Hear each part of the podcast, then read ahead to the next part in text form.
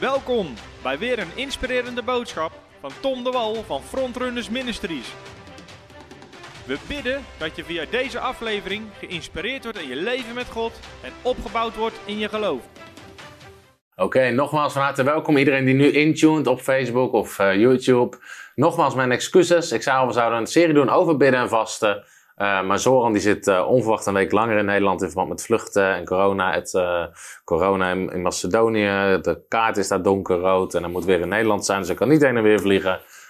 dus hij blijft hier een weekje langer. En toen heb ik gezegd, dan schuift hij aan bij Voice of Fate. Dus we gaan het thema bespreken, de vijfvoudige bediening. En volgende week gaan we weer verder met bidden en vasten. En zometeen gaan we ook switchen naar het Engels. Maar ik ga even beginnen, een stukje in het Nederlands. En daarna gaan we lekker beginnen. Ik wil, uh, we gaan het hebben over de vijfvoudige bediening. En sommige mensen weten misschien helemaal niet wat het is. Andere mensen weten het wel. Het is een enorm interessant onderwijs. Maar ik wil eerst even een stukje context daarvoor geven. Voordat we gaan switchen. En dat staat in 2 Koningen, hoofdstuk 6. En dan gaan we even lezen vanaf vers 1. Hebben we de camera van boven? Ja. 2 Koningen 6 vanaf vers 1. De leerlingen profeten zeiden tegen Elisa: Zie toch, de plaats waar wij voor uw ogen wonen is voor ons te krap. Laten we naar de Jordaan gaan en ieder er vandaar een boomstam nemen en er een verblijfplaats voor ons maken om er te wonen. En hij zei: Ga maar. En ze zeiden: Gaat u toch alstublieft mee met uw dienaren? En ze zeiden: Ik ga zelf mee. Zo ging hij met hen mee. Toen ze nu bij de Jordaan gekomen waren, hakten zij boom om. En het gebeurde toen een van hen een boomstam aan het vellen was, dat het ijzer, dus de kop van de bijl, viel in het water. Hij schreeuwde het uit: Mijn heer, het was nog wel geleend. Toen zei de man van God, waar is het gevallen? En toen hij hem de plaats aangewezen had, sneed hij een stuk hout af, wierp het er naartoe en deed het ijzer bovendrijven. Hij zei, haal het naar u toe. En toen strekte hij zijn hand uit en hij pakte het. Nou, ik wil even vanuit dit verhaal, wil ik even een stap maken naar de vijfvoudige bediening. Dit is een verhaal wat je misschien wel kent, maar nog nooit echt een preek over heb gehoord. Dat ze, ze willen groeien, ze willen uitbreiden. De plek waar ze wonen is te klein. Ze willen gaan uitbreiden. En ze gaan dan samen met de profeet, beginnen ze te bouwen. En een van die mannen die is een boom aan het omhakken. En terwijl hij dat doet, vliegt de kop van de bijl eraf en die valt in het water. En dit verhaal spreekt, geloof ik, over de uh, vijfvoudige bediening ook. Eigenlijk over ons leven.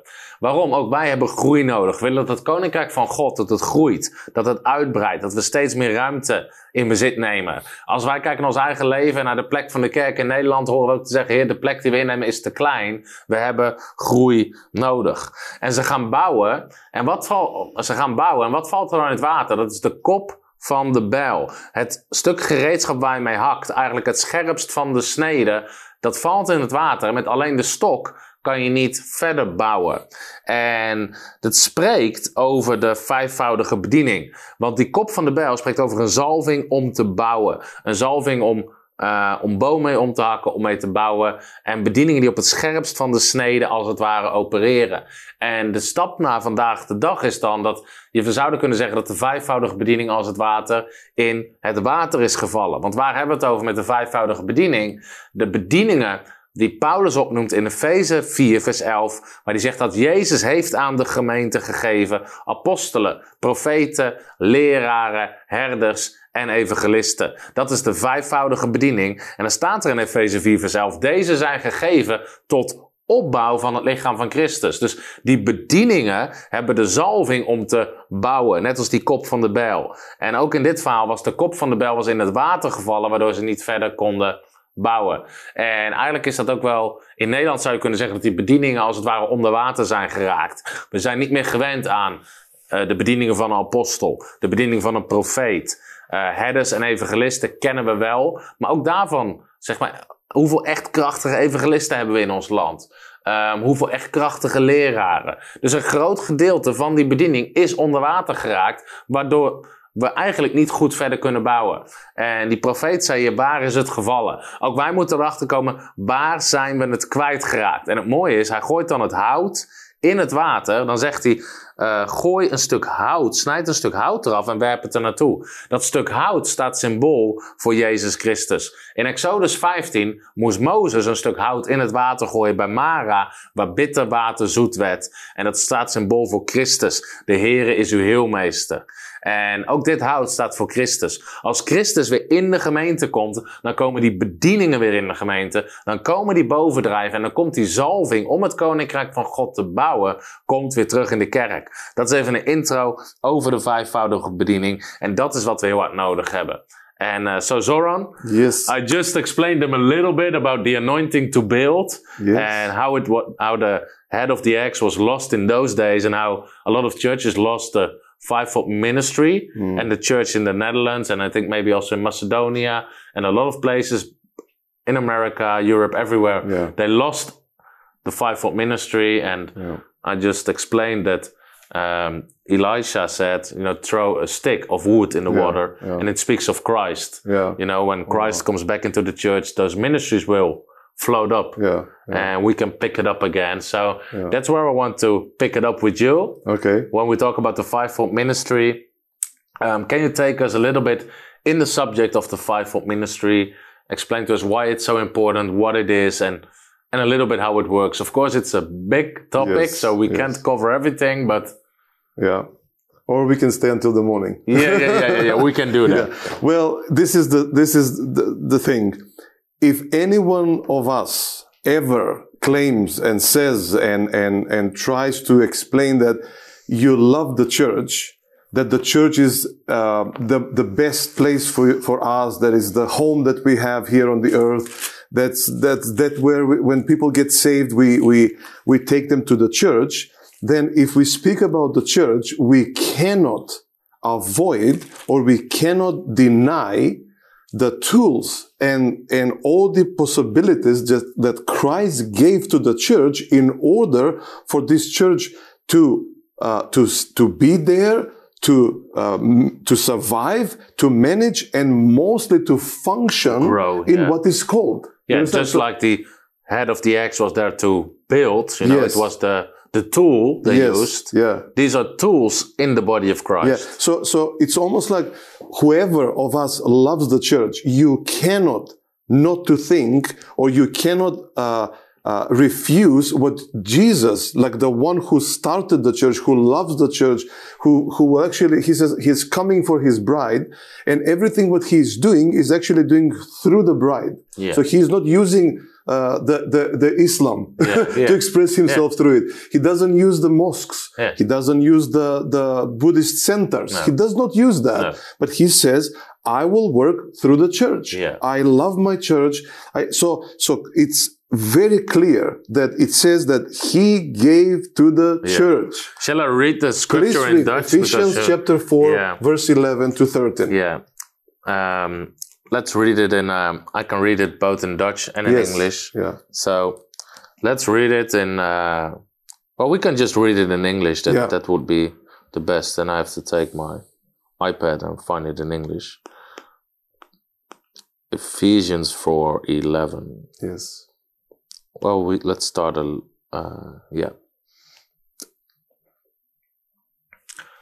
Yes, let's see whether we can get my iPad. Yeah, there it is. Yeah. And he speaks about Christ Yes. gave some apostles, some prophets, some evangelists, and some pastors and teachers for the perfecting of the saints, Yes. for the work of the ministry, for the edifying or the building of the body of Christ, till we all come in the unity of the faith and of the knowledge of the Son of God unto a perfect man, unto the measure of the stature of the fullness of Christ. Amen. Amen. Wow.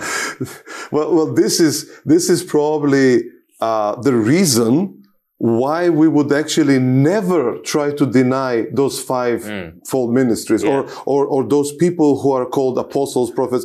To I- say, you mean with deny to say they're not for today anymore? Yes, to say like they don't exist anymore. Yeah. So we, if you would say, if you, your theological view is, well, they don't exist anymore, or we don't need to, we don't need them. Yeah. Well, if you're saying that we don't need them, then what you're saying Yeah. that we don't need to mature. We don't need to come to the unity of faith. We don't need to be prepared for the ministry. We don't need to find the knowledge of Christ or to, to know Yeah. him. And we don't need to experience his fullness Yeah. because True. obviously Paul is writing specifically Yeah. that we need them and he lists what happens when those are functional in your life. Wow. So with, or let me say this also. Imagine if someone will say, well, you know, uh, uh, the reason why we don't need them is because uh, they, because we accomplished that. Yeah. So now my question is, is all people in your church mature? Yeah. No. Then you need them. Yeah. Are all people prepared for the ministry? No. Then you need them. Yeah. Is it, have we all come to the unity of faith? No, we haven't. Have we all experienced the fullness of Christ? No, we haven't. So then why you would Yeah. think that there is other ways how Yeah. to accomplish that? So it's, it's, it's stupidity Yeah. not to, to, to accept what Jesus gave to us. And even to, because we're, it, there's a name cessationism, Yes. which say the gifts of the Holy- Holy Spirit have stopped and also these ministry gifts have stopped. And Mm. uh, in, in my book, Superman's at the end, I'll just get rid of the doctrine. I'll show people what's wrong. But just for the people to be challenged in their mindset is that the most accepted uh, ministry gifts in the church in the Netherlands and a lot of other churches is uh, pastors, shepherds. A lot of churches accept a shepherd, the pastor. They accept the teacher and they accept the evangelist, but they don't accept the prophets and the apostles. But the thing is this, how many people, because we have a lot of people who will say, well, that's, he's an evangelist. That's, and nobody is worried about that because that's fine. But how many people do you think in the Bible are called an evangelist? The fact is, there's only one person called an evangelist. only one. We only have Philip. Philip the evangelist. He was the only one who's called uh, an evangelist. Then how many people in the Bible do you know with the title shepherd? Maybe you can just name me one.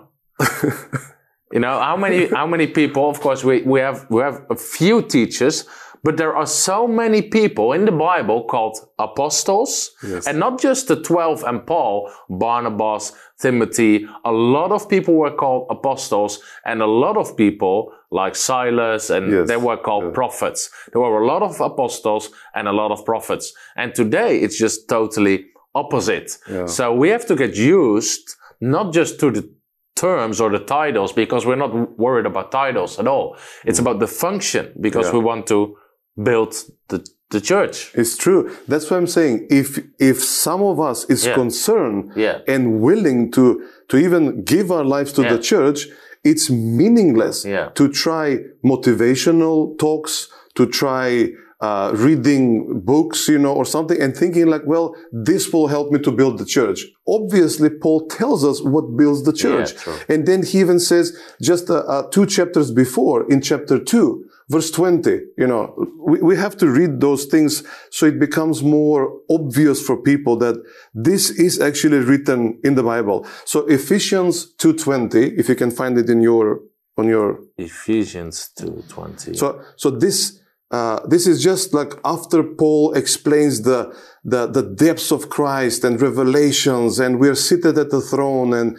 that we have all these things. And then he continues to explain. And then verse 20 says, uh, that the church is built on the foundation of apostles and prophets, pro- prophets, Christ Jesus himself being the cornerstone. yeah.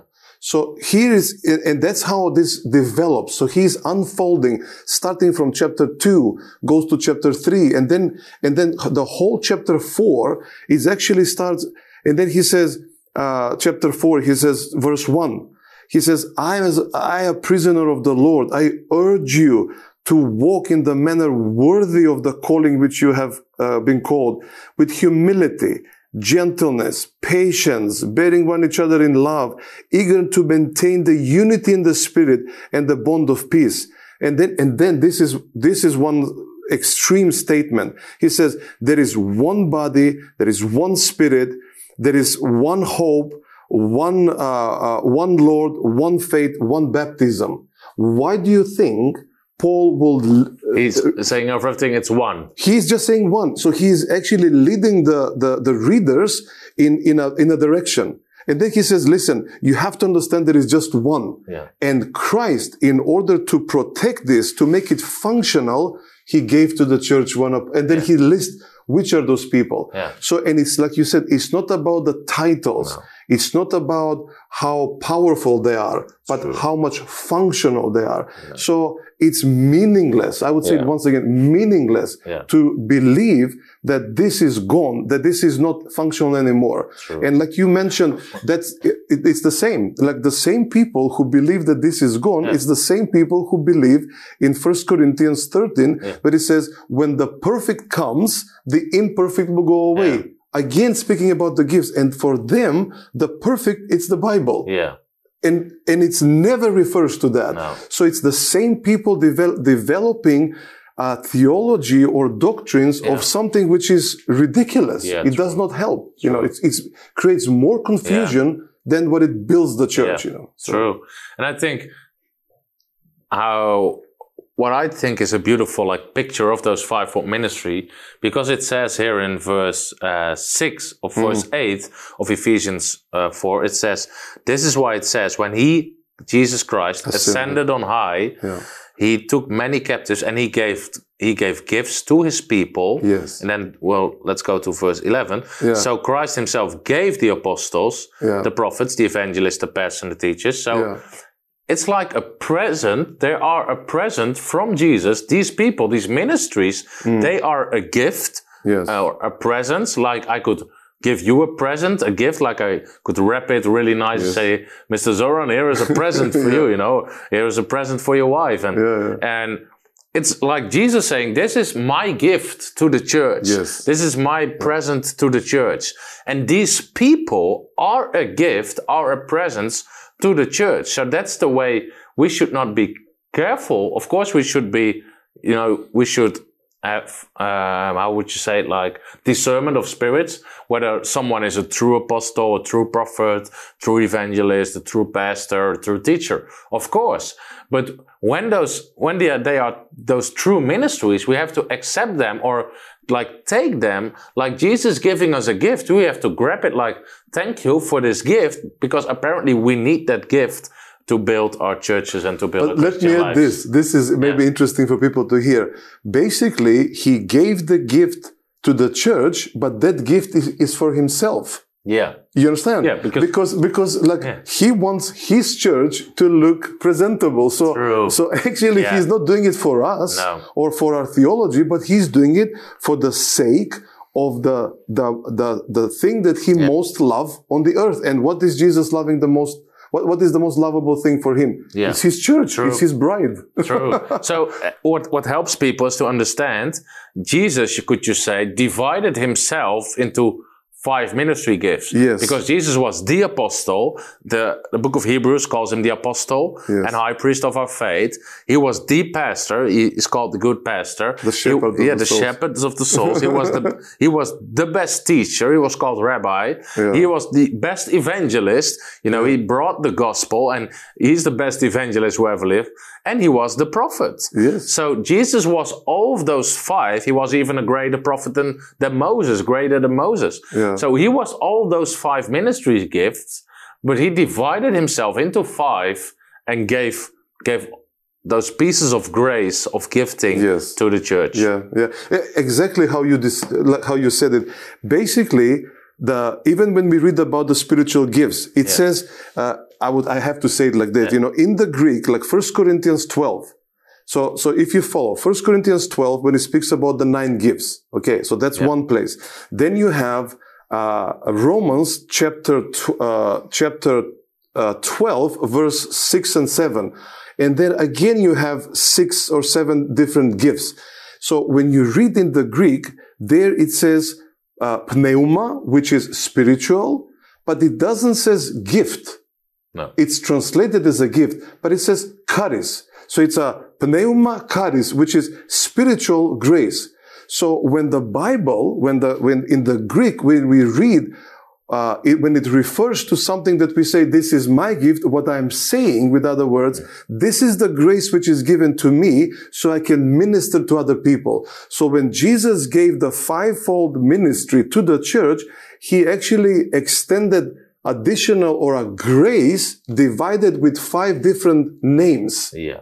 Because an apostle cannot function on its own. It cannot add anything on its own. So he has to be taking uh, taking his ability from the grace which is given True. to this. It's, It's the an same. anointing. It's an anointing. You It's know, a- you have a- those evangelists because we are familiar with an evangelist. You have those f- evangelists; they can tell like a fairy tale yeah. and do an altar call, call people to receive Jesus Christ, and people will walk to the front crying yes. just because that's their anointing. Yes. You know, Yeah. so that's just how, how anointing works. Yeah. Maybe for just we can give like a summary of the five gifts to help people understand what they are, and maybe some people already have ever heard the comparison with the hand. Mm. I forgot to tell. By the way, our prayer lines are open, so if people need prayer, we have our ministry team sitting here, so you can call the number in the screen and. And uh, our ministry team will minister to you if you need healing or baptism in the Holy Spirit. They're just ready to minister with you. I also see some questions. Um, we will answer them later on, and we will prophesy over people. So Yes. we have a lot to do. but for the for the for the fivefold ministry gifts, you can compare it with a hand. It's it's a nice comparison if you compare the fivefold ministry with a hand, and you could say like the apostle is like the thumb, because first of all, the apostle is like a a building gift, a pioneering gift. So he enters new territories. He plants new churches. He goes to new areas to start new ministries. And he also brings forth new ministries. So the apostle, one of the unique thing is it's not only the strongest finger, but it can touch. It's the only finger who can touch all the other fingers. Hmm. So the apostle can tap into different anointings because he needs that to plan the new work. So he can be an evangelist. He can function as a pastor. He can function uh, as a prophet and as a teacher. He can tap in those different gifts. Then you have, uh, you have the, how's this finger called in English? The point finger. The point finger. So it, it stands for the prophet because the prophet will point to you and say, Hey, you, or it will say, this is the direction the church needs to go, or this is what's happening. So that's the prophet. Then you have the middle finger, which reaches the forest. So that stands for the evangelist. And it's just for people to help what it, so the evangelist will go to new territories, reach new people. They will go further than other people would go.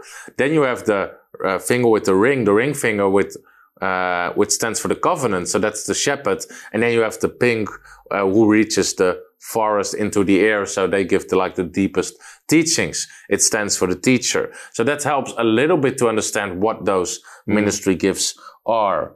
And it's the index finger.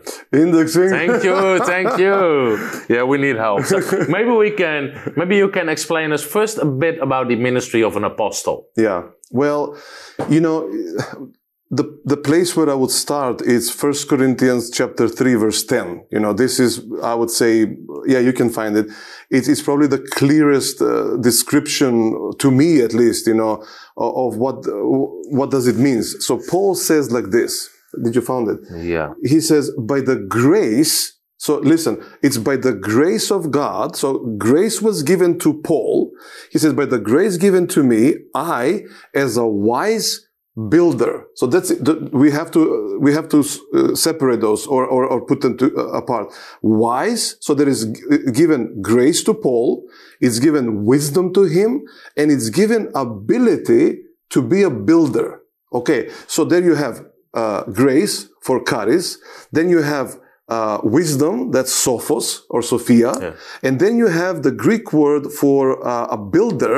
And I don't know if, if people know this, but the Greek word for builder, it's architecton, Oh, wow. which means from there, Wise ar- architect. for there comes our English word architect. Yeah. So Paul says, by the grace of God, again, by the grace, to me, it's given wisdom and ability to become an architect. So now I can build and I can put the foundation. He says, and now I did put the foundation. And then he refers just a verse later on, what is the foundation? So Paul obviously says the foundation is Christ. Yeah. But then he warns them and he says, but let everyone watch and observe the foundation. With other words, he says, the foundation is Christ, but I builded something. Yeah. So Paul wasn't the first one who preached about Christ. No. You know, he got saved later on. Yeah. So obviously he cannot say, I am the only one who put the uh, Christ as a foundation. No, he doesn't says that.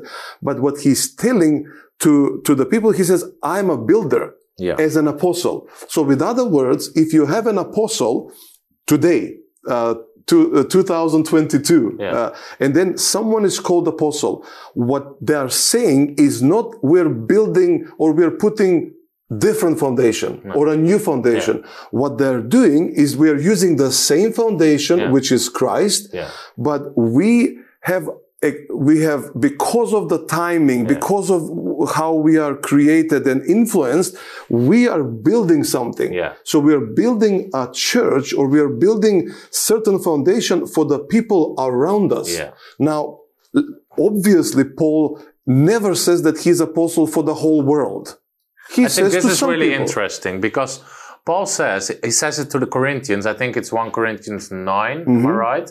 Where he says, if I am not an apostle for others, at least I am it to you. to you So some people, of course, the ministry gift you care, you, uh, you carry everywhere you go, but other people don't have to accept you as an apostle over their church or their lives, uh, if, if, if you're not, to say it like that. So I think that's important. very important Yeah, because otherwise we get those weird doctrines where people will call it. Uh, we had people walk in a meeting and uh, someone said, "Well, well, I am an apostle, so from now on everybody has to listen to me." And I always said, "You know, that's the door. You better get out of here right now." we, we, have weird people who think like that, you know. But the weirdest, Yeah. this is the weirdest, and probably many will get Yeah. offended when they put the title Worldwide Ministry. Yeah, Paul himself, he, he never says that. Yeah. He's so humble. He says, I only have a certain area. But for someone to say I have a worldwide ministry, meaning like they, what they're saying is like, recognize me as authority over Yeah. your life. Yeah. And I cannot. No. Because you're neither, yes, I can recognize the grace which is given to you, Yeah. but I cannot, I cannot recognize the authority over my life because you're not. You're given to someone else. True. So with other words, one of the, uh, one of the, uh, uh, strong sides of the apostolic is to actually emphasize the foundation. Yeah. You know, the foundation and the building. yeah, So basically, they will always build. Yeah. Always build for the purpose Yeah. and for the sake for other people to join. Now, apostle cannot build on his own. No. He is not, he has the, uh, he is architect. yeah, Now, you have to understand this. Architect is not a, it's not a constructor. yeah, Architect sees the things. Yeah. Ar- the architect knows how it looks. And God adds people whom he's saying, okay, you will do this, you will do this. And that's how it builds up. But he himself is not necessarily or almost rare a builder himself. true. That's why when that's why we get confused, like thinking like if you're called apostle, you have to do everything. No, No. you are the architect. Yeah. You're the you're the visionary. they're often visionaries mm. and together with that comes pioneers mm. so that would be like a modern word for Yes. apostles we would understand because the word apostle it means literally sent one Yes. and it was a secular word which was well known but in that area today we don't have apostles like in any other office but back then in the greece roman world in the greek roman world there were apostles who were sent from the uh, uh, from Caesar or from uh, from a certain country, and they were sent to another place to bring the culture of the other country there. So they were sent ones. They were uh, ambassadors. They were pioneers. They had to pioneer the culture of the other country in the other place. So I think what what's really interesting when it comes to being like pioneers, because apostles will pioneer new churches. So not just lead one local church, they will pioneer new churches. Mm. They will send out new ministries and they will take new areas for the, for the gospel, for the kingdom of God. Can also be like areas like media, business, whatsoever. What's really interesting and what I've been meditating on lately is that when we talk about the Great Commission, you know, Matthew 28, Mark 16, go into all the world, preach the gospel, baptize people, these signs shall follow them that believe. If you would ask most Christians, they would say that's an evangelistic um, command. Yes. And evangelists are preaching on that. We should go into all the world. But it was not given to evangelists. It was given to the apostles. It was given to the apostles, not to the 12 evangelists. So Jesus knew to pioneer the gospel in all those new countries, the, these new areas, these other religion, these, these other places. It doesn't just take an evangelist, it takes an apostle yes. to build there the churches, to release the ministries, to get the people to accept Jesus Christ. I think yeah. that's really yes. interesting yes. for a yeah. change of perspective. Yeah, yeah.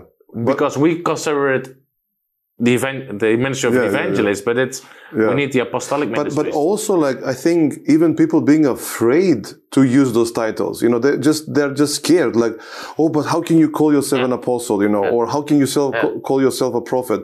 Well, I know many who are actually uh, at, called from a young age to be, for example, prophets. Yeah. Now it takes time for them to also develop. Yeah in everything what they know, in everything what they function, uh, time wise, uh, maturity wise. So you can actually have people who are actually called to be apostles, but they are in the in the in the training zone. It, it's their calling, but that's not yet the grace God has given no, them. They're not yet functional yeah, in this. Yeah. So that's why also like, uh, so that's why I'm saying don't cut off you know, yeah. people in what in their in yeah. their callings. It's the know? same. David was anointed and prophesied that he was a king, but he was still a shepherd. He yes. was still with the sheep. Yeah. So it would be weird for David to say, "Well, I am the king," and it, everybody's like, "No, you're you're a shepherd with the sheep." Yeah. But I think what two things when it comes about titles, because we have to announce those things.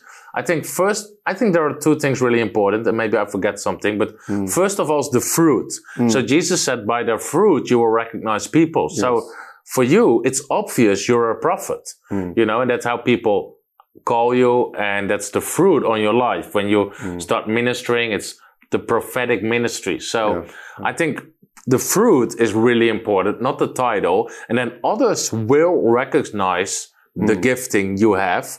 And the second one is there's no one in the Bible who calls himself out to be an apostle. So it, uh, they are sent, like in Acts 13, from a local church. And from that moment, Paul and Barnabas were called apostles. Yes. Before Acts 13, they were not called apostles. Then in Acts 13, the, uh, the, the church in Antioch, they are praying and fasting. The Holy Spirit says to them, um, send Paul and Barnabas, sent them out for the work of ministry I have called them to do. And then it says, send out by the Holy Spirit. The church blessed them, laid their hands on them, they blessed them, and from that moment they were called apostles. From the moment they were sent out and recognized by the local church as sent ministries from the church to take new areas for Christ, that's the moment they were called apostles. But they didn't call themselves an apostle before that. So I think no. those are two important things to say. Yeah. I would just add this that one of the strongest sides of the uh, of the apostolic or the apostles when I read my Bible is that they need to recognize the grace yeah. or they need to realize the grace yeah. and they need to express grace. Why do I believe this? We just mentioned that even if, if you're called apostle, that's you're called by the grace of God. So obviously grace was given to you to be, so you can be called an apostle or you can function in this, uh, in these, uh, uh, abilities. So, um, so when we, when I read in Acts of the Apostles, chapter 4, verse 33, now, this is really interesting one. This is what it says. With great power, the apostles continue to testify about Jesus and his resurrection. And g- great grace was powerfully at work in them all. Now, this yeah. is interesting. Someone will say, well, you know, uh, let's do our stuff. Let's uh, do what we are supposed to do. Let's be, uh, you know, apostles or prophets. Let's testify about Christ and, uh, you know, signs and miracles will follow. And, and then he says, and then grace will be given to us. No, actually it's the other way around. Because of the great grace which was given to mm. them, they could testify with yeah. boldness and great signs and miracles were yeah. happening. So it is when you recognize when others recognize that grace upon you. I actually wrote a book recognizing grace because for sake of that, because you need to basically, let me say like this. Uh, I was on a meeting. This was in uh, South Africa. So I'm standing there. There is many people, many ministers. Basically, all of them were called pastors. That that was Yeah. the, the way how you they address you there. So everybody was called pastors. You know, if you if you see the list, pastor, pastor, pastor. Okay. So when everybody says everybody's pastor, you want to call them like that. So I'm passing by. I'm passing by a person. And uh, he was from uh, Brazil, I think, or Argentina, but I think he was from Brazil somewhere. And as I passed by, the Holy Spirit just showed me his heart. Yeah. And as I stopped there, I said this. I said, you and you're an apostle. Yeah. And he just kind of smiled at me and he didn't speak English. So someone had to translate. He says, uh, why do you say that? I said, well, when I passed by you, I saw the, the, the inside of your heart. And this is what I saw. I said, I saw there is a place in your heart for people, for believers. Then I said, it didn't stop there. I saw space for churches. And then I said, and I saw that in your heart, there is space for, uh, for cities, for regions. And I said, actually, I saw space for mayors and presidents. And I said, even like a larger territories, like almost like a continent. You know, I said like, it's like a large space. The guy was even bigger than me, huge guy. He starts to cry and he went to hug me. He says, how do you know this? That I'm an apostle. Well, I said, I see it in your heart because God gives you that grace. This is what he said. He says, I, I love people. He says, I, eh, I oversee many churches. Every week, I pray with mayors. And by, by, uh, by this time, which was like a few years ago, he says, I have prayed literally for six different presidents in Latin America. So with other words, the apostle, the grace which God gives to an apostle opens such a, such a huge space in his heart so he can deal with this. Now, Yeah. to make a contrast, I would walk to, by a person uh, on a meeting in a church and I would stop and I would say, you're a pastor. And he goes like, how do you know that? Because I said, in your heart, I see space for many people. Yeah. 50, 100. Sometimes I will tell them a number. Yeah. How much grace do they have? If they have grace for, for 70 people or 100 people. Once I said to someone, I said, you have grace in your heart for 500 and plus. That plus could be two and three, you know. Yeah. One year after this, Yeah. they told me that that he became a pastor. Uh, he just started. The, Someone started a church. He is a pastor of 500 people, and sometimes it can vary two or three extra. Yeah. so so obviously recognizing the grace which is given to people is recognizing the abilities and the the what you can do. But without that, without recognizing the grace.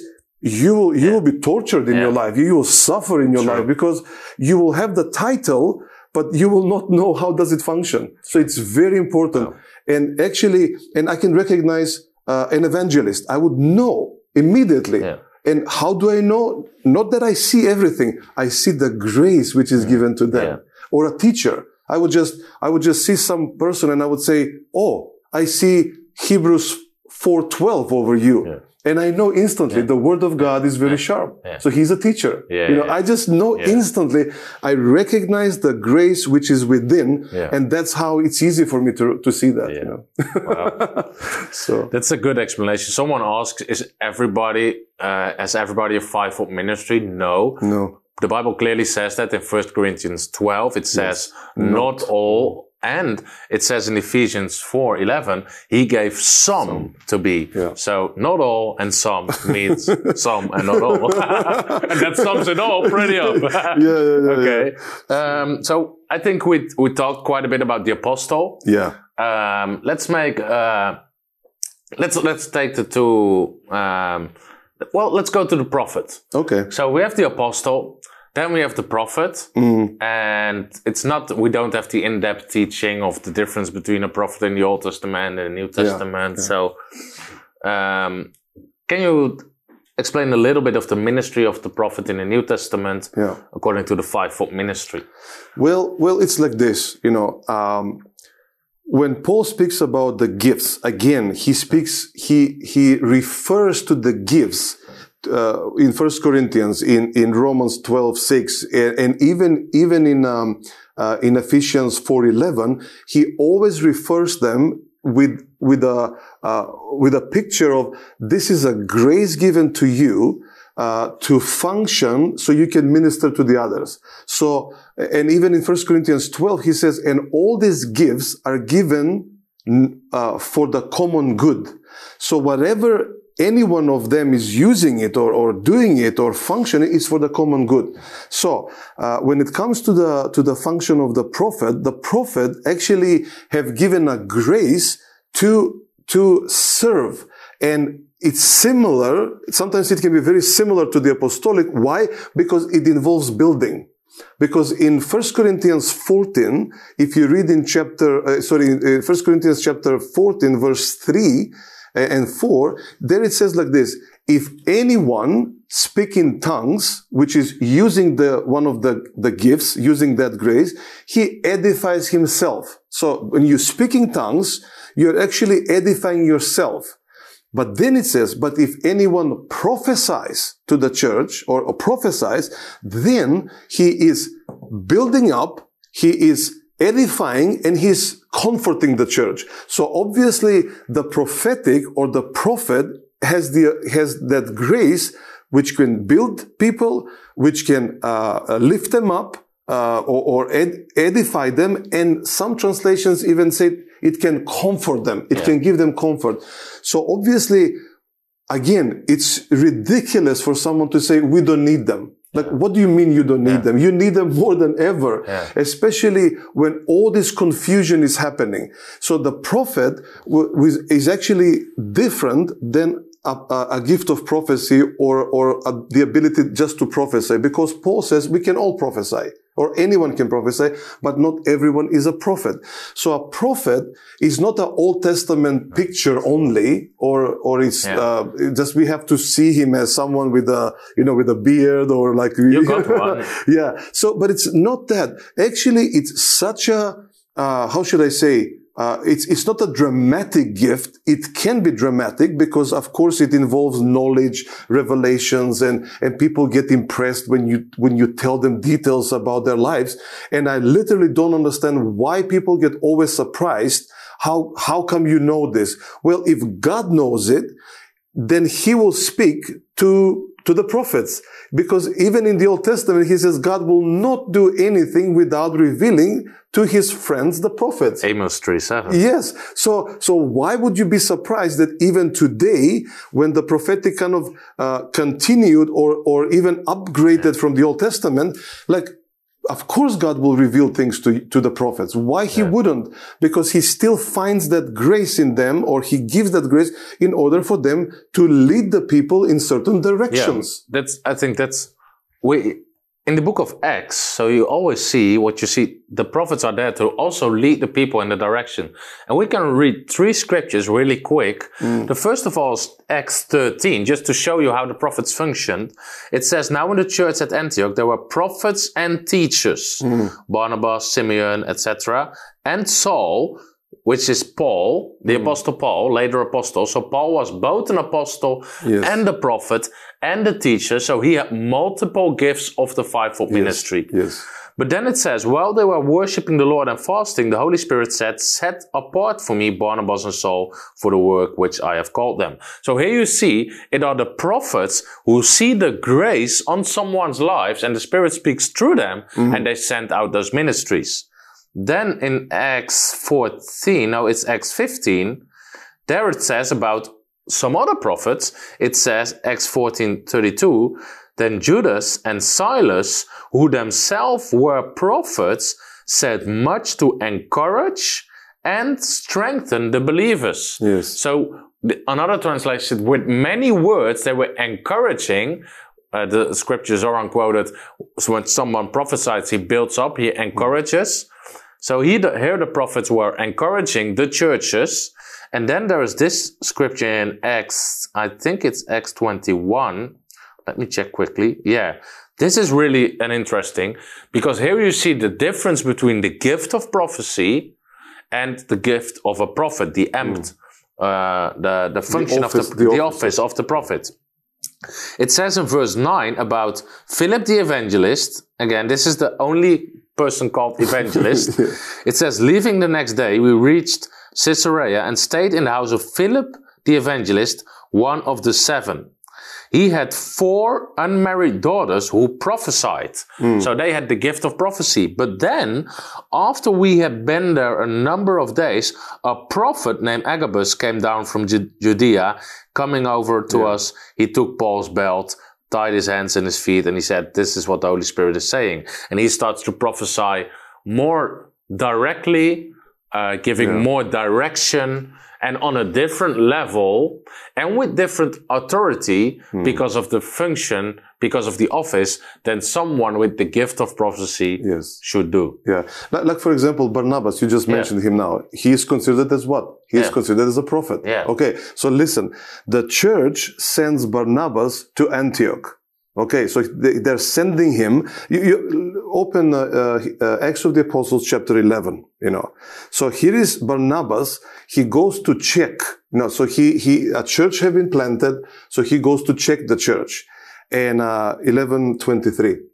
And when he arrives there, what what what is what what he's seeing? Yeah, what, what wow. is he seeing? He says when he arrived, he saw. So as a prophet, you know, uh, the prophetic has eyes, so it can see. So he says he saw the grace of God and what have happened. So it's interesting. Some translations he says he saw the grace. Yeah. So you can actually see grace. Yeah. And then he said he was glad or he was, he was joyful. And then he encouraged them all to remain true or truthful to the Lord with all their hearts. Yeah. So the prophet will actually not necessarily have to see, uh, you know, like the title or to describe to you all the details, but he sees the grace. He says, this is what I see. Yeah.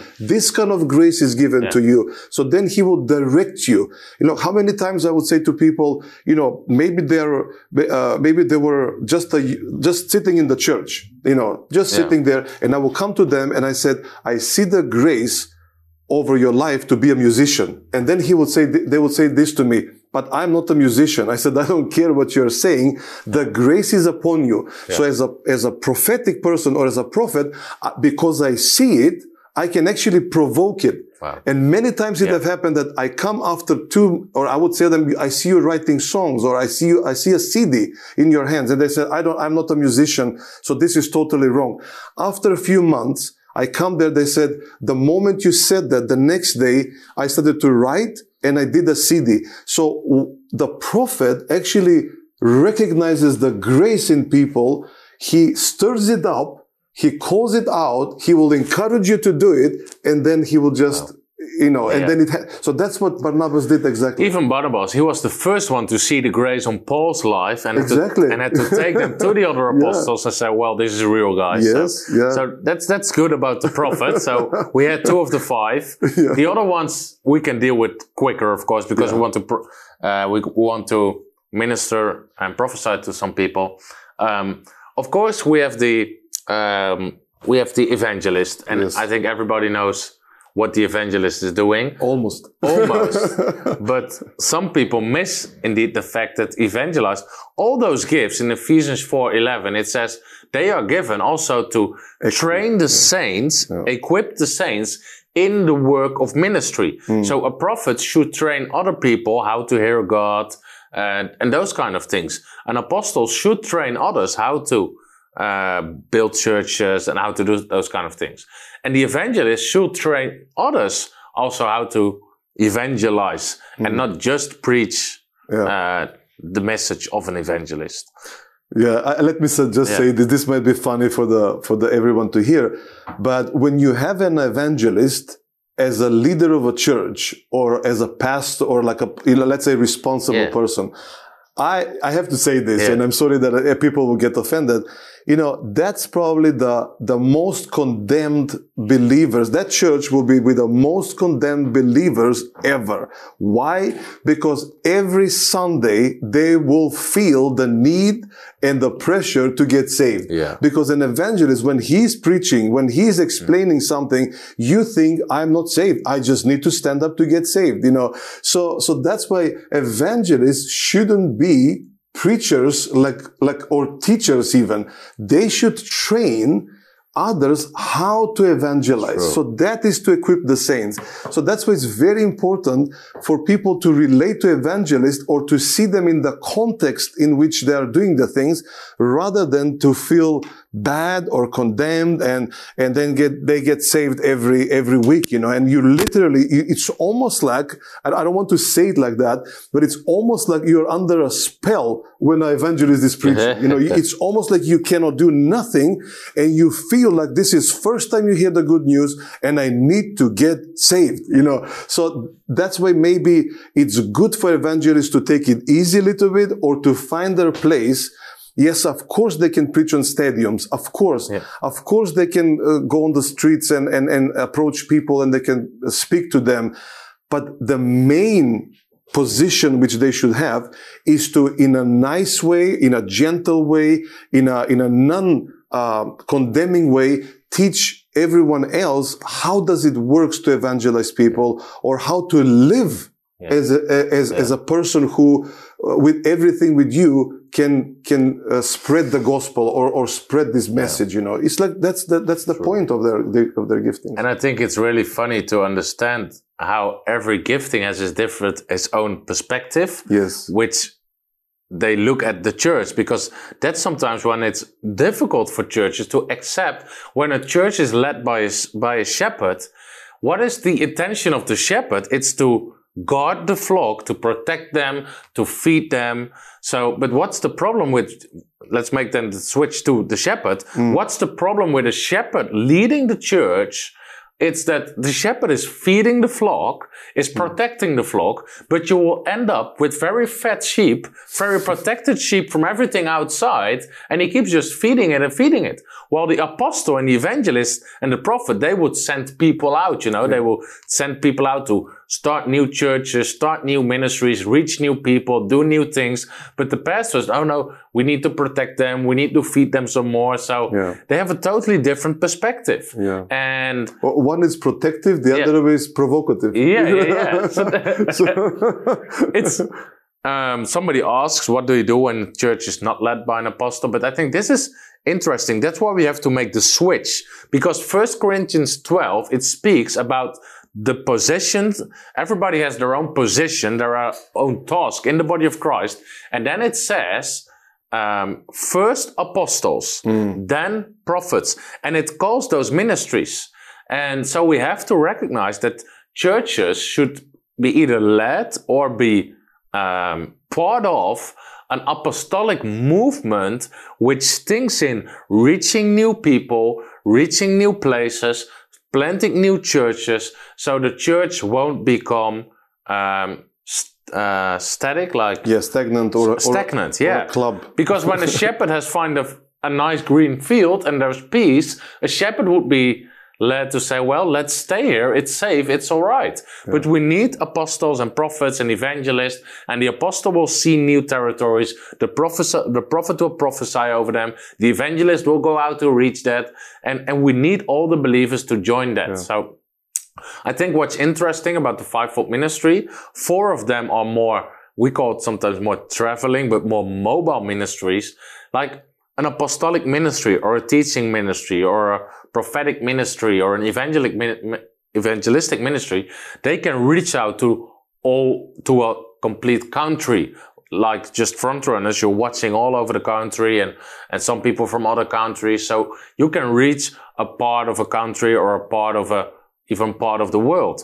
But a church is just a local church often. Sometimes people will drive 30 minutes to get there, 40 minutes to get there, but the reach of the church is never the complete country. That's not the grace mm. that which is given to them. It's a local church.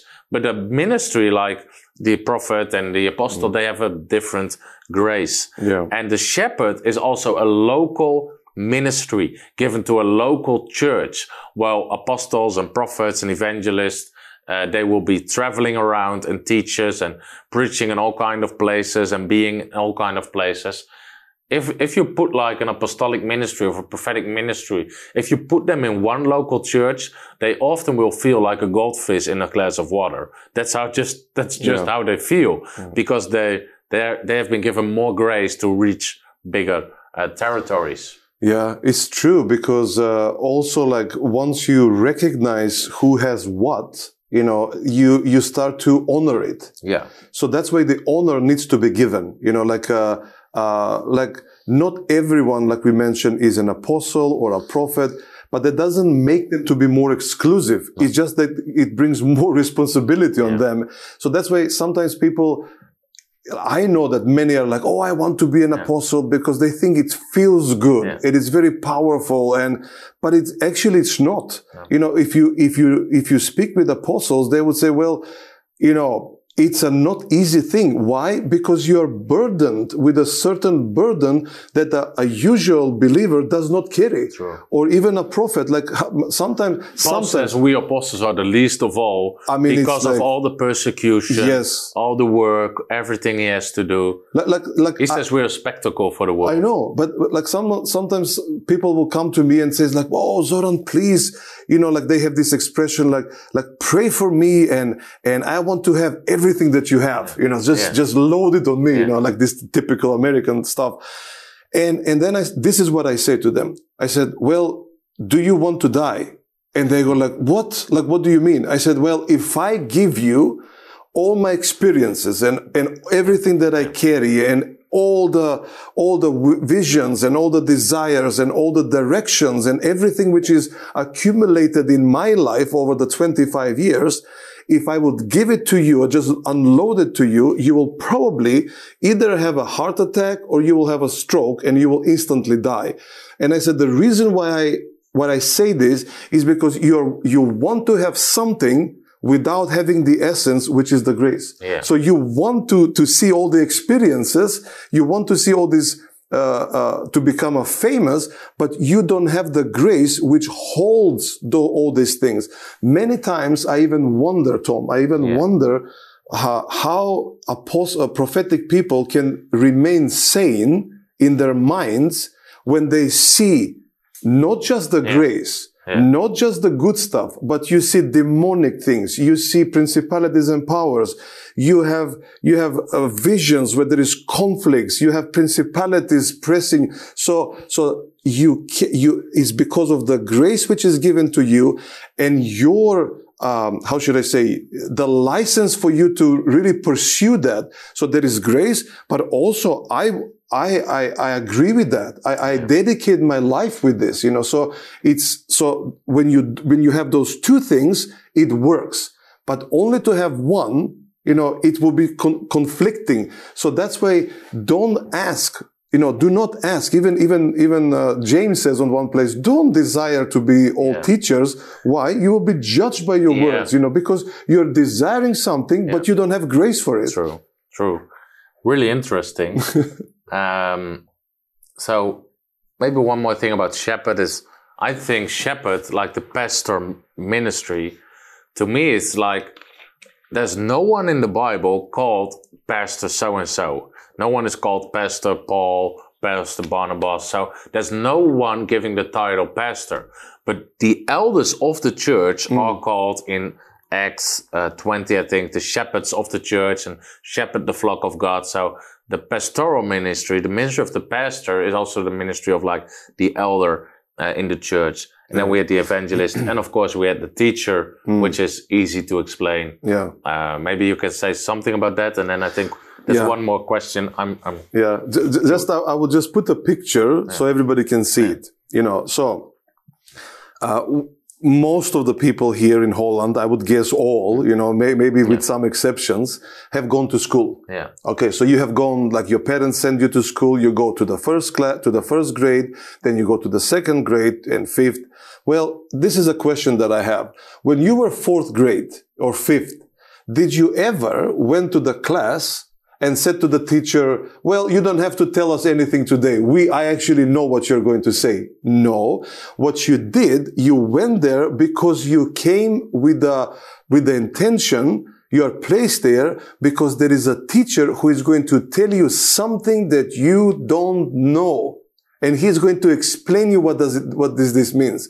So if the world says this is teacher, then why then the churches refuse to, to call it like that? So someone asked me, someone said this to me in a way, in a sarcastic way. Let, let's say like that. He said to me, well, Zoran, you speak about anointing and anointing and grace and power, but that is only for apostles and prophets. I said, you cannot be further than the truth because without the anointing, a teacher cannot teach you anything True. new. So teachers are there to explain what does it means, but in the same time to tell you something that you have never ever heard. And I- That's the anointing of a teacher. And this is really important because I think now we come to a really important point because what we are known with in the church are people who have studied theology. Hmm. And somehow people think when somebody has studied theology, he is a teacher. But that's not true because the teacher as a fivefold ministry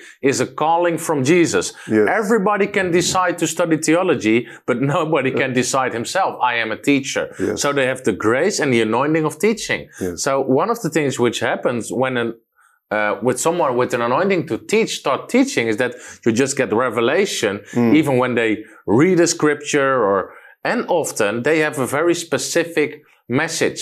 Some theologians can teach like on everything because they teach from head knowledge, but you need a mandate from God to teach on certain things. And, you know, I myself, I experienced the teaching gift when I write my books and I try to explain things like divine healing, our identity in Christ, how to get your prayers answered, what does the water baptism do, and to put it in structure in books, in sermons to help people to understand the subject. But it's not that I have a grace to teach on every single subject. So this is really funny because a lot of people ask me, why don't you preach? Why don't you teach about end times? Well, that's not the grace Yeah. for me. There are ministries, they have excellent teachings and that's the, they experience the anointing to do that, but that's not God's mission, mission for me to teach on. And people have to understand that because people expect you can teach really good on all kind of things. Well, that might not be the grace that has been given to you. So I think Yeah, yeah. that's really important. Can I add one more verse? Th- Yeah, this sure. is this is a good verse. You know, I was preaching the other day here, and I prophesied to a guy, and and he obviously had a a ministry of deliverance, and and I didn't know that. I mean, of course, mentally I couldn't know. So, but this is what I said uh, as a fact. Actually, I, I, believe this. I said psychiatry is the lowest level of truth. Yeah. Okay, so if you if you people say, well, you go to psychiatrists, they will help you. Well, that is some kind of in- human invention. I don't say it's bad, but it's the lowest. Can you imagine Yeah. the lowest level of truth? Yeah. So, in that, in the same way, I want to refer now to the teacher. Uh, teacher is someone who brings a fresh explanation and news about the kingdom. So he will teach you something like a revelation. He will explain you. And this is interesting. Uh, first, uh, sorry, second Timothy 1.11. Okay. This is Paul speaking about himself. Now, just read what Paul uh, refers to his, himself about. Usually we say, well, Paul was an apostle. Okay. But this is what he says. And of this gospel, uh, gospel, I was, I was appointed, 2 Timothy 1.11. He says, as a her- herald or a, or a preacher, you know, someone who speaks. And then he says, an apostle and a teacher. Now that's a Yeah. very interesting. Why would Paul use the terms an apostle Yeah. who is building up, who have all this anointing, and yet he's using something where people say, well, a teacher, anyone, anyone can be a teacher. No, no, no. no. He says, I'm a teacher, which means I'm going to portray True. to you the revelations which are given to me. And, and in the same time, as a teacher, I will bring you such a clar- clarification of what it means. So you would, when you hear it, you know what it means, and it's there is power, there is anointing over it. True. Then let me add one more thing which continues because this is also really important because not every elder, not every pastor has an anointing to, be preach and teach. Because Paul says in 1 Timothy 5, verse 17, he says, the elders, and like I said, this also is about pastors, the elders who direct the affairs of the church uh, well are worthy of double honor, especially those who work in preaching and teaching. So not every elder is working in preaching and teaching. So sometimes you see people because someone is an elder or someone is called pastor in the church, they put him on the stage every Sunday, but there is no anointing at all. It's only annoying. You know, they're just, it's, it's boring. There's no life in it. There, It's not performed. There are no miracles. There are no healings. There are no deliverances. It's just head knowledge. Hmm. That's the worldly way of teaching because we think the pastor has to preach and, and some, some pastors they shouldn't preach. They have different graces and giftings, and they have to understand how that works. And I think that's really important to see what is someone anointed for and what's the grace on or, or someone's if you would say like this, Tom, as I said about psychiatry, Yeah. there is the lowest level Yeah. of truth. Motivation is the lowest level of the anointing. yeah, yeah, yeah, true. you understand? True, yeah. So you can motivate people Yeah. as much as you want, but unless you inspire them Maybe- with the anointing, true. it, it, Maybe- it will not change. I should do a series of powerful preaching, but sometimes you hear like people standing up like, well, I studied this, or, or, this word means this in Chinese, and that could mean like two things. So we also, as a church, have to consider we can look at two point at like two vo- two views at this situation. I'm like, that does not sound like the Holy Spirit inspired you to preach on a Chinese word and do explanations. It's just man-made stuff. You know? okay, so I think we, we did a lot on the on the fivefold Wow, ministry. yes, so yeah. I really hope it helped people. Um, we answered a lot of uh, questions also. So maybe we can prophesy over some people. Yeah. Let's do a few Okay. for the sake of time. So if you want to receive a prophecy, just let us know in the in the uh, reactions on Facebook or YouTube. Please, if it's possible, make sure you have like a profile picture and your name because we're not going to prophesy over somebody with a picture of a wolf with green eyes.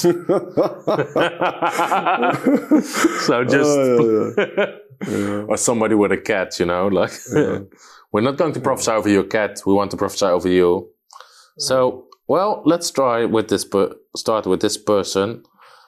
Um, let me see.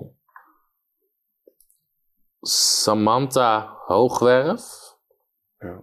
Let me. And- and let me just add this before we start to, to speak and, and, and use this prophetic uh, grace which is given over to us.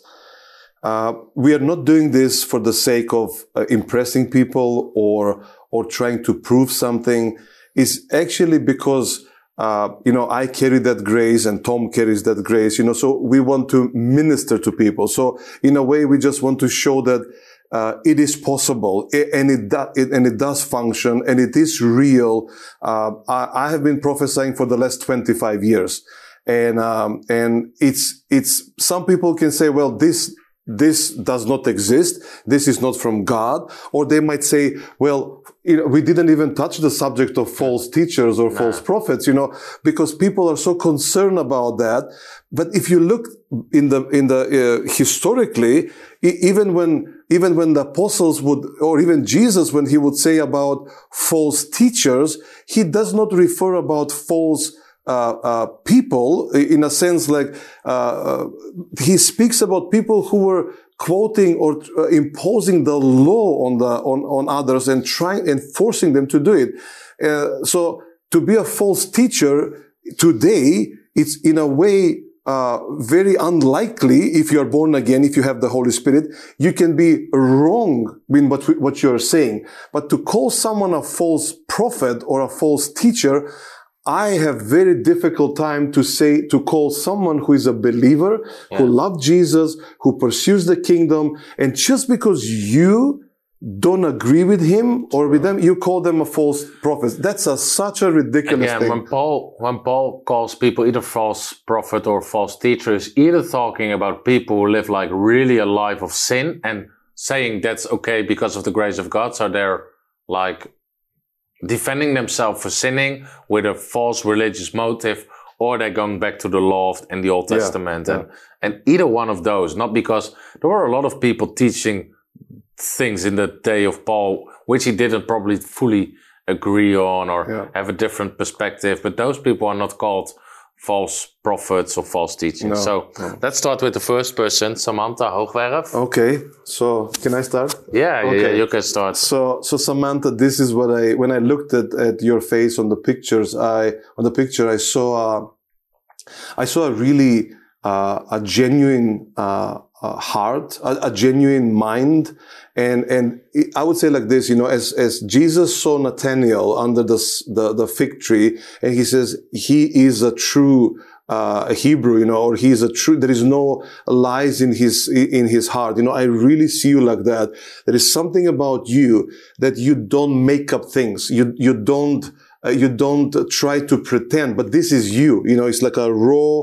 Uh, raw person, raw, uh, raw Samantha, and I would say like this: the rewards which you which you have them on your life, you know, it's like I can just see faith how is rewarded. I see how how you love Jesus, how you say I have faith. I, I'm I'm really like li- I will live my life by faith, and even even sometimes when and I don't know how to say this, but but almost like I see a conflict how uh, even the law, the laws a, or, or certain laws which are there hanging in the air, they bother you. You know, I don't know if this is just like for now, for the modern time, when they're trying to impose certain human rights, which are actually more than twisted rights than they are just like human rights.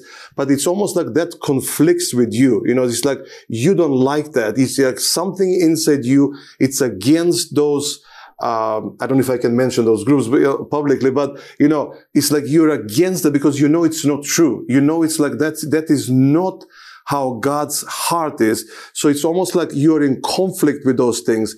Uh, But that's because you have the, the, the heart of, of, of a mother, the heart of someone to take care of people, and you love justice. That's the thing. You love justice. So I hope this helps you and, uh, and, and pray, you know, like be a person of prayer who, who can change things, who can change even laws, you know. I mean, I can tell you many times how, how people would pray and certain laws of the country would actually have to be replaced or changed because, because people prayed. So um, hopefully this helped. Amen. Really good.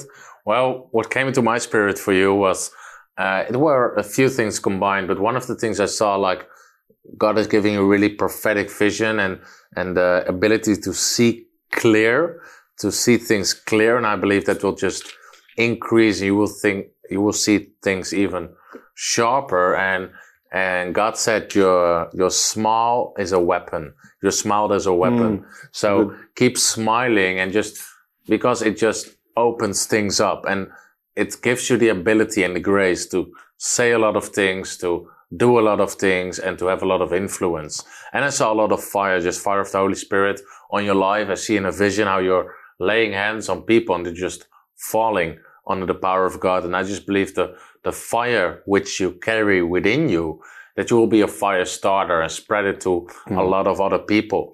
And I believe I see a group of women around you. So I don't know whether you minister to women or have a group with home group with women or something, but I believe, I believe something like that will start around you, like a women's group or, or just some women meeting at your house or at your place. And that's also a place where you can just start sharing God's word and start releasing the fire and where you will put women on fire for Jesus. So Amen. amen. let's bless you with that. Wow. And please comment. Let them Yeah, comment yeah. just for us so to know. you Samantha, know. let us know whether it just matches. And you can, uh, the, the next one is Geert, Geert van der Dol. Okay. Yeah.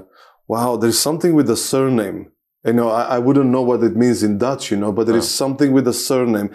There is something with your background. There is something in your bloodline which is very significant. So I would say there were some people, like let's say, let's say your father and, and, and your grandfather and, and those in your bloodline, they were very significant people because there is something, I, I, it was almost like a, when I heard the surname, there was heaviness on it. It was like a wow, not the pressure, but the, the, the significance, the heaviness of it, the, the power of it, you know. So I really believe that that's it. I see in your bloodline, I see the uh, the prosperity. I, it's almost like I can see how he, the Spirit will, the Holy Spirit will always prosper things, and I really believe that for you. I really believe that you can prosper in everything what you what you are doing. You know, like even like uh, uh, if you uh, if you write something and, and if you're like producing something like videos or, or, or, I don't know, games, I don't play games, but, but something of, of that creativity. But even in the, I would say like this for your future, even in something with the banking, something with, with investments and money. And there is, there is ideas that it's almost like I can see them in my mind that they're like rejoicing that they will be used for the glory of God. So I would say like, uh, when the if the time comes that the, that you are led to to to do some kind of business investments, don't hesitate because the, the there is a there is prosperity over you to really manage and and you will have such ideas to to prosper. So I really bless you with that. And let me say this: Jesus is your number one. You know, that, that somehow I just want to say that, that for you, the, the, the person one in this whole world is Jesus is your number one, you know. And, um, yeah, I don't know if you like speed, but I just like I saw formula, you know, a formula like Jesus is your number one, you know. He's, he's the, he's the speed in your life and he's the, he, he, he, he runs with you. You know, I just saw him. I don't know if you like to run, but he runs together with you wherever you go. So I really bless you with that. And, uh, yeah, it's good. Nice surname. Wow. So We have uh, 500, 300 people asking for prophecies. So, 500 people. um, uh, Maaike Duursma. Wow. Nice. You know, in Macedonian, Micah means mother. Yeah. oh, by the way, the reason I don't prophesy over Geert is because I know him. So Okay. when I when I know people, I I don't prophesy over them. Okay, so so it's interesting. In in Macedonian, it means mother. Uh, but but when I just saw, I didn't even saw your face because he just quickly swiped the phone. But I just I just saw a, a image. I saw an image of um, of a of holy person, you know, like a holiness around you. And I would say like this, you, you, your choice, your first choice is God. Your, your first choice is holiness. It's almost like you're a protective person. You, you protect yourself and you want to protect others and you want to protect, um, how should I say, purity. You know, you want to protect the, the, the, the, the sanity. You, it's almost like you're a, uh, some people would say about you, like you're overprotective, you know, like just relax. But you're saying, no, no, no, this is a serious thing. You know, I cannot just relax. I need to go. And it's almost like you have decided in your heart that all your life, like to the rest of the, all your days until you, it's almost like I can hear you saying this, until I die, I'm going to pursue the kingdom of God. I'm going to love Jesus and I will never give up. I will always love him and I will, I will do anything which is needed for him. So that is something which rejoice uh, which is uh, like joy for, for, for Jesus because he knows your heart. He have placed this inside you. So you are really truly a, representation of a spiritual mother. Now I know that, uh, uh, you know, I don't know if you are even married, but, but you are a representation of a spiritual mo- mother, how it should look like and how it should behave. And truly you will be recognized and people will, will call you like that. So the, there is a life, your, the future is in front of you. Your life is long. So just, just continue with this pursuit of, of, of, the kingdom of, of Jesus. And, and it's amazing. I just see amazing, amazing future. Amen. Amen. Wow, wow, wow, wow. So, I hope Yeah. it really bless you. yeah. I don't mind. Can, can I just say something? I was praying home Yes. and uh, I don't know if this is a name or a surname or to me it was more like a function, you know. So I saw, I, I literally saw a butler You know what is butler? It's Mm, yeah, yeah. someone who is like uh, either in a hotel, like you know they all usually have those gloves, you know, so they're like uh, opening the doors or or they're like uh, serving. So I saw the name butler, you know, and uh, like I said, it could be that I just saw someone working that. It could be a surname. So if there is anyone of the viewers right now, just write, and uh, that would be interesting to see. You know, I will see who will respond. yeah. And then I'll, I'll give you another person. You remember the last time we had the butcher? Your The prophesy- butchers, yeah, yeah, yeah. yeah, yeah. It was really funny because uh, Anne Willemijn Maathuis. Anne Willemijn Okay, Maathuis. okay. Well, when I saw, now you have to take me very serious with this. When I saw you, I, I first I saw your nose for some reason, you know, and I saw how you have ability to smell things, to discern things. But in the same time, do you know what I saw over you? I saw revival. It's like something within you is ready for uh, for revival, for to become alive, you know. And I really believe that, like, even as I speak right now, you can feel something happening here in your belly and it's just coming up. And that's the fire of the Holy Spirit. That's a revival happening right now in your life. Those days, those next days, you will be almost like confused. You will go like, what is happening with me? It's such a heat all over. It's within me. But that is not just for you. This is something which is your life is prepared for because I really saw revival written over you. So I would not be surprised. I would not be surprised that from tonight, from today, the direction of your life or even the intensity of the spiritual activity of your life will be so, like it will just magnify. It will just like boom, just go. And you are going to talk. You're going to think about revival. It will, it's happening right now with you and it will continue through your life. So I really see like, you know, like years, like years of, of, of, of, fire and, and people are receiving what you're speaking. People are receiving what you're telling and it's just amazing. So just accept this. You know, there is no, you cannot run from this because re- revival, revival is within you. So I just, I just bless you with this. Amen. Amen. Wow, that's really good. And we got a butler. Really? Yeah. is it a surname or is actual No, it's, job? there's someone saying, I am a butler. and his name is Paul Pintus. Really? Wow, Pintus. It's for some reason, you know, that was in my mind. Somehow I wanted to say this. So, so, okay, let's say like this. Uh, God knows what you're working. He knows what you are doing. And for, for, for him, the humility that you have, the humility for you to serve other people is actually getting rewarded. I see 26th, 26th of January. There is a special, it's a, it's a special day for you. So I speak about now, this coming 26th. On the 26th of January, I bless you that you will have an incredible encounter with uh, with uh, with angels. You will have incredible encounter with the kingdom of God, and that night you will have incredible dreams, which is just going to. Uh, it- the, the, the, the dots will come together or it's almost like the, it will just click for you and it will be such a new era. That's how I see it. A new era for you. 26th of January, I bless you that on that particular day, you will have an encounter with Jesus and everything within you, it will melt and yet it will come up. It will be taken in small crumbles, but yet it will be, it will rise up as a strong constructions because I really see that serving others or being a butler is not the only thing that you're going to do in your life, but you're going to construct things. You're going to give to people, uh, uh, uh, visionary things, like a, like almost like ideas. This is the way how things are going to have to to ha- to to work for you.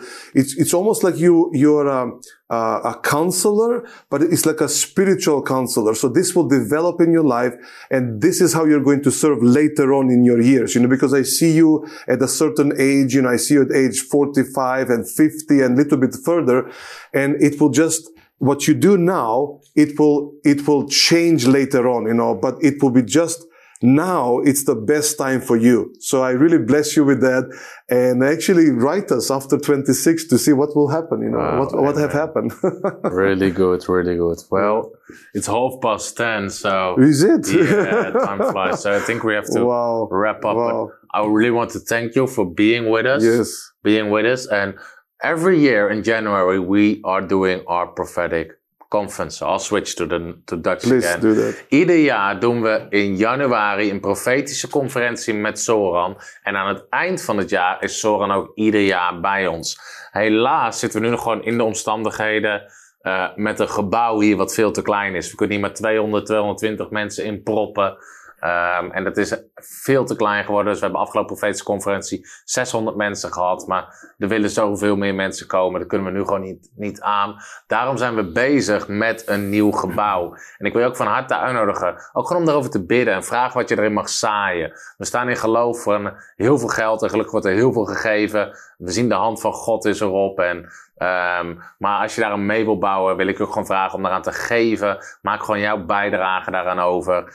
En als je ons gewoon wil helpen met alles wat we doen, ons jaardoel voor 2022 is, uh, we willen per maand 125 nieuwe partners erbij, zodat we meer mensen kunnen aannemen, zodat we het gebouw, uh, het gebouwproject met, met het bouwproces, het nieuw bouwen van de panden, uh, de boeken, alles wat we doen, uh, dat je daaraan mee kan bouwen als partner. Dus we staan in geloof voor 125 extra partners per maand. Dus als jij nog geen partner bent van Frontrunners, als je dit kijkt, wil ik je van harte uitnodigen om partner te worden. Je helpt ons onder andere mee om honderdduizenden mensen per jaar te bereiken. Onder andere met onze gratis boeken.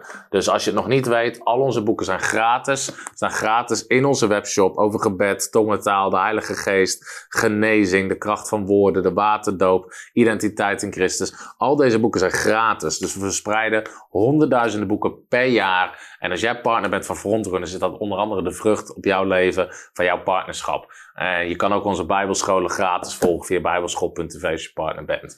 Dus als je nog geen partner bent, wil ik je van harte uitnodigen om het te worden. Misschien ben je al partner, maar zeg je, joh, ik ben zo enthousiast over Frontrunners. Ik wil mijn partnerschap verhogen. Dan kan dat ook via www.frontrunnersministries.nl. En dan kan je daar klikken op partnerschap en dan kan je ook klikken op partnerschap verhogen. Dus als je nog geen partner bent, ben jij een van de 125 deze maand die erbij kan komen. Zodat we gewoon verder kunnen groeien en alles kunnen doen uh, wat God van ons vraagt. Hou ons verder gewoon goed in de gaten. Als je niet bent geabonneerd op ons YouTube kanaal, abonneer je. Zodat je niks mist. Of op Facebook en op Instagram. We zijn bezig met hele gave dingen. Er komt een voltijd bijbelschool aan. Onder andere waar we mensen willen trainen in die vijfvoudige bediening. We willen nieuwe generatie apostelen, profeten, hè, dus mm. leraren en evangelisten. Willen we vrijzetten via die fulltime bijbelschool. Die gaat in 2023 starten. En het unieke is dat we die voltijd bijbelschool ook gratis beschikbaar gaan maken. Dus dat is een gigantische geloofstap voor onze kant. Want zo'n school draaien per jaar kost vier, vijf betaalde medewerkers, externe docenten, locatie. Het kost honderdduizenden euro's per jaar voor onze organisatie om dat te draaien. Maar we gaan dat gratis doen, omdat we geloven dat dit nodig is in Nederland. Dat zijn allemaal dingen waar jij aan meebouwt met je partnerschap, met je geven. En dat is gewoon een enorme rijke zegen. Dus nogmaals, als je geen partner bent, uh, doe het, want je bouwt echt mee aan een veranderd Nederland door de waarheid van het Koninkrijk van God. Dus um, je hebt het linkje, denk ik, uh, in, de, in de reacties. Daar kunnen mensen heen gaan. Ik wil je hartelijk bedanken voor het kijken. Zoran, I want to thank you again. Yes. It was really great to Yes. have you with us. So we hope you're all blessed with teachings on the fivefold ministry. Yeah. And the few people with the prophecy, but Yeah, yeah. I want to say thank you to you, Yeah. Tom, for inviting me. And uh, Holland is becoming my second home. I'm here more more often than anywhere else, and I really feel the uh, how should I say the friendship uh, of Frontrunners and you yourself and and your family. But also, I feel the the love and the grace God have given me for Holland. So uh, I don't claim that I'm anything more special. It's just like I'm attracted and I just want to minister and serve in the ways that I have and I can.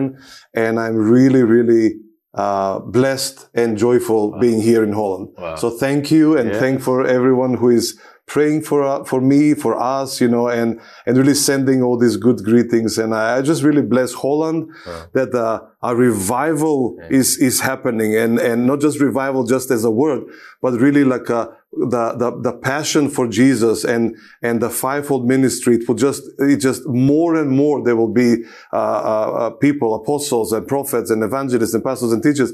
So we can all be lifted up and build up and we can see, uh, the church strengthened and, and alive and, and joyful in Holland. So I really bless you all. Amen. Amen. Dat is de beste afsluiting die we kunnen krijgen. Dus bedankt voor het kijken allemaal. God zegen en tot de volgende keer. Hallo, Tom de Wol hier en bedankt dat je weer geluisterd hebt naar onze podcast. Ik bid dat het je geloof gebouwd heeft en je bemoedigd bent. Als je niet alleen een luisteraar van onze boodschap wil zijn, maar ook een verspreider daarvan, wil ik je uitnodigen om partner te worden van Frontrunners. Door jouw maandelijkse donatie help je ons om dit evangelie van Jezus Christus en het woord van God over heel de aarde te brengen.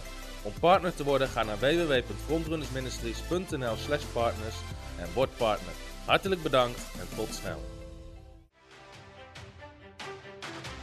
Heb je ook zo genoten van deze inspirerende boodschap van Tom de Wal? Abonneer je dan op deze podcast. Volg ons op Facebook en op Instagram en kijk op onze website frontrunnersministries.nl.